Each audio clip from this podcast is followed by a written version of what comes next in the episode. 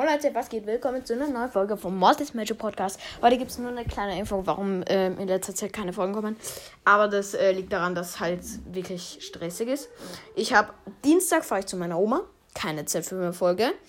Montag habe ich Tennis, äh, Dienstag halt zu meiner Oma.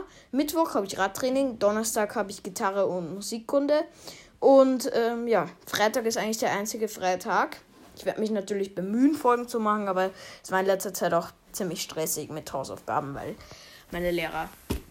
Nee, die sind keine Menschen mehr. Also, ich weiß nicht, wo die hingefallen sind, aber ich gehe äh, mal aufs, Ko auf, aufs Kopf.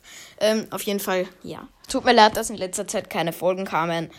Ähm, aber morgen kommt auf jeden Fall eine mit Basti. Ich habe morgen nämlich nur vier Stunden. Ähm, die letzten zwei entfallen halt. Und er hat auch nur fünf Stunden und deshalb werden wir uns bald treffen.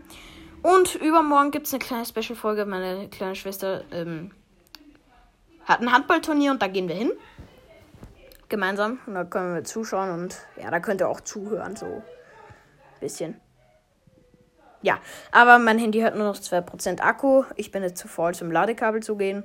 Und ähm, ja, ciao Leute. äh, sorry, dass keine Folge kommen.